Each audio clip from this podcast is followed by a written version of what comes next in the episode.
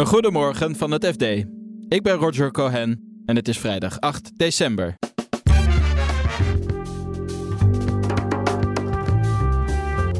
Weer een winkelketen failliet. Wat is er aan de hand in de winkelstraat? Het succes van een winkelketen meet je eigenlijk af aan ja, hoeveel stuks uh, ze verkopen. Ja, en als dat maand op maand op maand daalt, ja, kom je op een gegeven moment klem te zitten. Het FD ging kijken hoe de grootste uitstoter van Zeeland omgaat met verduurzaming. Het is de grootste werkgever ook in de provincie. Er werken 3700 mensen. En ze zijn ook de grootste uitstoter. Dus die combinatie maakt dat ze eigenlijk een sleutelrol hebben. En hoe het vastgoedimperium van de Oostenrijkse miljardair René Benko razendsnel verkruimelt. Iedereen uh, die goed onderzoek had gedaan en hier zijn geld in heeft gestopt, uh, ja, die had toch eigenlijk beter moeten weten. Dit is de dagkoers van het FD. Weer moet een bekende winkelketen de deuren sluiten. Het moederbedrijf van Perisport en Actiesport gaat kopje onder. En dat is niet het eerste faillissement dit jaar.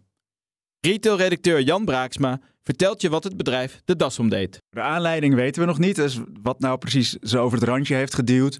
Maar het is een keten die het al heel erg lang lastig heeft. Als je in de jaarcijfers kijkt, ja, de laatste cijfers dateren van 2021. En toen stond er een verlies van 9 miljoen in de boeken. Het jaar daarvoor was het nog een stuk erger. Dus het is een keten die het al heel lang heel erg lastig heeft. In 2016 ging de vorige eigenaar ging het ook al eens failliet. Daarna is het behoorlijk ingekrompen. Dus van meer dan 200 winkels naar ongeveer 50 winkels. Maar ja, ze hebben het tij niet, uh, niet kunnen keren. Het is nooit, nooit het succes geworden wat actie, sport en perisport ooit in een, uh, in een ver verleden nog wel waren. Het blijkt een jaar van faillissementen. Uh, PCC failliet gegaan, Score, uh, Scotch Soda, Big Bazaar. Wat is nou de gemene deler bij al die faillissementen? Eigenlijk zie je overal dat ze de naweeën van corona nog steeds voelen. Dus um, tijdens de pandemie hebben veel van dit soort bedrijven uh, uitstel van belastingen aangevraagd. Dus die hebben allemaal belastingsschulden opgebouwd, waarmee ze dus op korte termijn, toen die winkels dicht moesten en de omzet wegviel, gered waren. Maar die schulden moeten wel weer terugbetaald worden. Dat moet sinds uh, afgelopen zomer gebeuren. Ja, dat is elke maand gewoon cash die uit het bedrijf gaat. Daarnaast zie je dat de, de inflatie heel erg hoog is geweest, dus daardoor stegen de lonen behoorlijk. En mochten de huurbazen de huren indexeren met de inflatie. Nou, dat doet natuurlijk ook erg veel pijn. En ja, uh, consumenten houden de hand op de knip. Dus de, uh, je ziet in de CBS-cijfers over de uitgaven in de detailhandel al heel erg lang dat de omzet, nou, dat, daar gaat het niet heel erg slecht mee. Maar kijk je naar het volume, dus het aantal stuks wat ze verkopen, dat daalt. En dat compenseren ze door de prijzen te verhogen. Dus daardoor lijkt het nog wel optisch mee te vallen. Maar ja, het succes van een winkelketen meet je eigenlijk af aan ja, hoeveel stuks, dus hoeveel schoenen, hoeveel broeken uh, ze verkopen. Ja, en als dat maand op maand op maand daalt, ja, kom je op een gegeven moment klem te zitten. En heeft het ook nog iets mee te maken dat consumenten meer, toch nog meer zijn gaan kopen op internet sinds corona? Ja, dat is natuurlijk een, een groter overkoepelend thema wat in de retail al, al heel erg lang speelt. Daardoor ja, sluipt eigenlijk al jarenlang omzet van de winkelstraat naar online. Dus dat, dat speelt erg mee. En dat heeft tijdens de coronapandemie een, een enorme versnelling doorgemaakt. Ik denk altijd aan mijn ouders, die, ja, die bestelden wel eens wat online. Maar ja, tijdens de lockdowns konden ze niet anders. Ja, toen kwamen ze erachter dat het best wel handig was. En die zijn dat blijven doen. In ieder geval voor een behoorlijk deel blijven doen. Dus daardoor is, is dat deel online is toegenomen. Ja, dit gaat ook het uh, beeld in de winkelstraten van Nederland veranderen. Hoe verwacht je dat die uh, winkelstraat eruit gaat zien?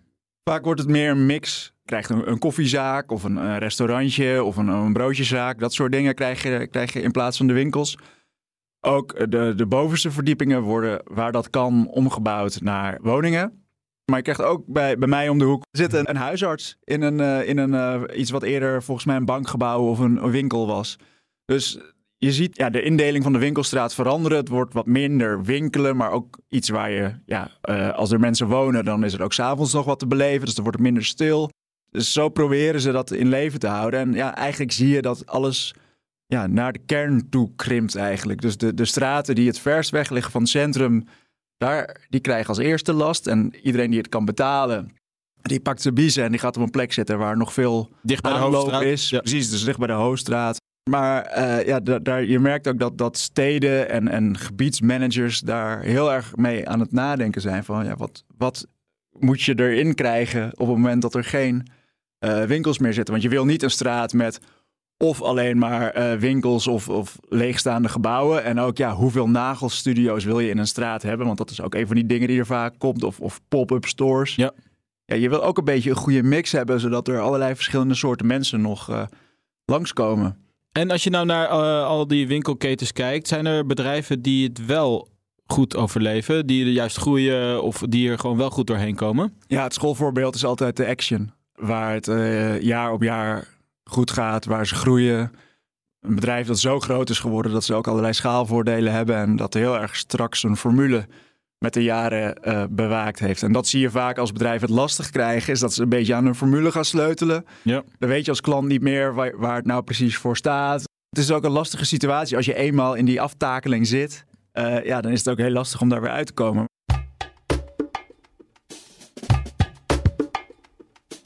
Het Amerikaanse chemieconcern Dow is de grootste werkgever van Zeeland, maar ook de grootste uitstoter van CO2. Daarom moet het zijn fabriek in Terneuzen vergroenen.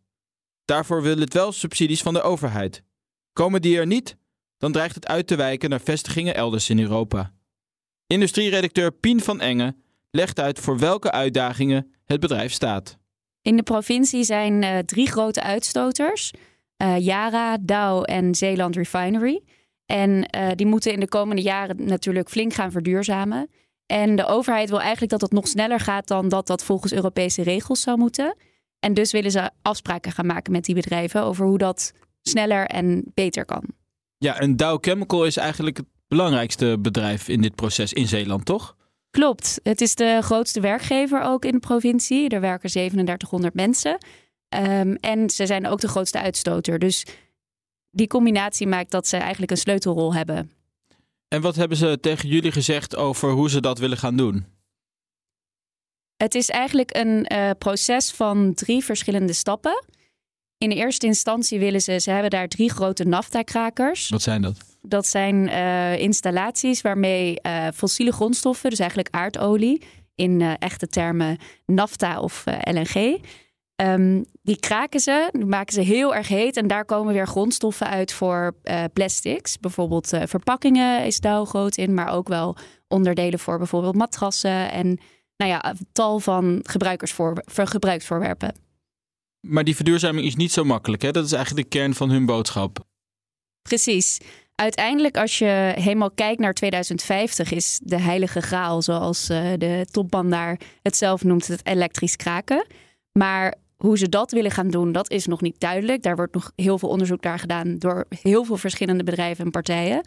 Maar in eerste instantie gaan ze de krakers verhitten met waterstof in plaats van fossiele grondstoffen. En daarvoor moet ook een waterstoffabriek gebouwd worden. Dus dat is stap nummer één. Ja, en dat is nog niet zo makkelijk daar in Zeeland, hè, heb ik begrepen. Klopt, het gaat niet alleen om het geld. Hè. Er zit een onrendabele top in waarbij de overheid dus wil bijspringen. Maar het gaat natuurlijk ook om de mensen die die transitie uh, mogelijk gaan maken. Dus bijvoorbeeld de handjes. En in Zeeland is er met name, um, dat uh, gaf de directeur ook wel toe, van met name een tekort aan technisch geschoolde mensen. Dus de, de, de echte knappe koppen, de ingenieurs, zeg maar, die, uh, die halen ze wel uit het buitenland. Want hij zegt, ja, misschien is in Nederland Zeeland ver, maar als jij uh, uit India komt en uh, je moet van Gent naar, naar Terneuzen rijden, dat is echt prima te doen. Dat ja. is een heel Nederlandse blik om er naar te kijken. Maar goed, de technisch geschoolde mensen die komen vaker van dichtbij. En daar is in Zeeland, daar is natuurlijk in heel Nederland een tekort aan, maar zeker in Zeeland. Ook omdat daar bijvoorbeeld minder onderwijs is. Ja, en hij richt eigenlijk ook uh, zijn woorden op Den Haag, hè, wat hij van een nieuw kabinet verwacht.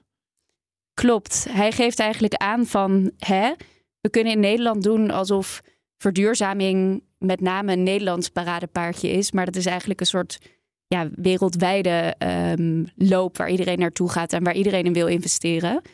En hij geeft aan van ja, wij hebben meer van dit soort projecten in meer verschillende landen. En als in Nederland het niet van de grond komt, dan gaan we gewoon kijken naar andere productielocaties. Zoals? In Europa heb je nog een kraker van Dow in Duitsland en eentje in Spanje. En dat, worden dan de, dat zijn eigenlijk de concurrerende bestemmingen voor dat geld. Ja, en natuurlijk ook de Verenigde Staten, hè, waar het moederbedrijf ook gevestigd is. Dat zou ook nog een optie zijn om daar meer investeringen te gaan doen. Ooit bezat hij het KDW in Berlijn en de Chrysler Building in New York. Maar inmiddels heeft vastgoedbedrijf Signa van de Oostenrijkse ondernemer René Benko uitstel van betaling moeten aanvragen. Europese banken en vermogensbeheerders hebben nog honderden miljoenen euro's van hem te goed. Een gevaarlijk domino-effect dreigt. Hoe groot dat gevaar is, vertelt redacteur Arend Klaassen. Nou, eigenlijk komt dat door de lage rente en het nemen van te veel risico. Um, Signa is van de, van de Oostenrijkse miljardair uh, René Benko. En die, uh, nee, die is nog maar achter in de 40. Die was uh, al miljardair voor zijn 40ste. En die heeft zijn bedrijf vanuit het niets enorm groot opgebouwd. En eigenlijk steeds de overnames te doen met veel geleend geld. En voor dat geld uh, gebruikte hij zijn vastgoed als onderpand. En uh, hij heeft een enorme hoostmarkt meegemaakt. En op, op, op de rug daarvan is hij snel gegroeid met veel schuld. Alleen de rente die is de afgelopen anderhalf jaar gestegen. Dus uh, wat hij moet betalen aan rente, dat is toegenomen. Tegelijkertijd vallen zijn inkomsten terug en is het vastgoed in de waarde gedaald. En hij moet veel herfinancieren en dat lukt niet meer. En daardoor uh, hebben ze vorige week uh, surveillance van betaling moeten aanvragen. Het kon niet meer uit en uh, partijen zijn nu weer bereid om geld te verstrekken. Ja, dus de banken zijn geschrokken en schuldeisers willen dat hij nu over de brug komt. Ja, zeg maar, de, de, de partijen die, die het eerst nu afgelost uh, moeten worden, die willen hun geld zien. Hij, hij heeft het geld op dit moment niet. Er is niemand bereid om hem nog uh, geld uit te lenen. Hij, heeft het een en ander al verkocht in het afgelopen jaar, maar het is onvoldoende gebleken om de boel nog rond te krijgen. Volgens het Oostenrijkse recht heeft hij nu nog, of heeft een bewindvoerder, heeft nu nog 90 dagen tijd om de boel recht te trekken. En anders ja, uh, zullen schuldeisers dus moeten afwachten uh, wat ze nog van hun uh, geld terugkrijgen. Ja, dus eigenlijk verschillende hoeken van het Europese bank- en vastgoedwezen worden geraakt. Is ja. er eigenlijk vrees dat ja. er een soort van domino-effect ontstaat? Nou, de Europese Centrale Bank die heeft recent wel gewaarschuwd dat, dat banken er rekening mee moeten houden dat de situatie op de commercieel vastgoedmarkt is gekenterd. En dat ze dus voorzieningen moeten treffen. En op zichzelf, zeg maar, de blootstelling aan commercieel vastgoed van Europese banken is relatief beperkt. Het grote risico is alleen dat eh, als er een neergang is, dat de economie ook in bredere zin naar beneden gaat vaak. En, en dat er een soort wederzijdse besmetting kan plaatsvinden. Maar vooralsnog is de verwachting dat, dat, dat het beheersbaar is. Had Benko eigenlijk ook vastgoedbezittingen hier in Nederland? Zijn laatste overname was uh, van Selfridges. En de bijkorf die uh, viel er ook onder. Alleen heeft zeg maar, bij die uitverkoop die de afgelopen tijd al heeft plaatsgevonden, is zeg maar, de meerderheid van Selfridges is in handen gekomen van een Thaise investeerder. De bijkorf uh, die is daar ook dus bij overgegaan. Dus dat lijkt buiten de huidige problemen te vallen. Er waren al jaren geleden berichten over de werkwijze van Benko en dat daar wel wat vragen over waren. Hè? Dus je had, zou kunnen zeggen dat banken, investeerders gewaarschuwd had kunnen zijn. In principe wel. Benko is, uh, nam in 2014 nam de uh, Karstad over, een Duitse warenhuisketen, die al langer in de problemen was. En rond die tijd werd er al gewaarschuwd dat zijn handelen, dat er toch wel twijfelachtig was af en toe. Uh, in ieder geval had hij een uh, veroordeling wegens omkoping. En daarnaast werd er ook op gewezen dat zeg maar, waarderingen van uh, panden regelmatig werden opgeblazen. Er werd gegoocheld met huren. Dus in principe iedereen ehm, die goed onderzoek had gedaan en hier zijn geld in heeft gestopt, ehm, ja, die had toch eigenlijk beter moeten weten.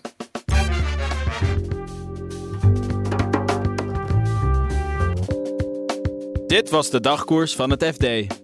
Volg voor het laatste financieel-economische nieuws vooral FD.nl en de FD-app.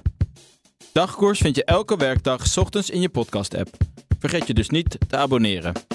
Nog een hele fijne dag en graag tot maandag.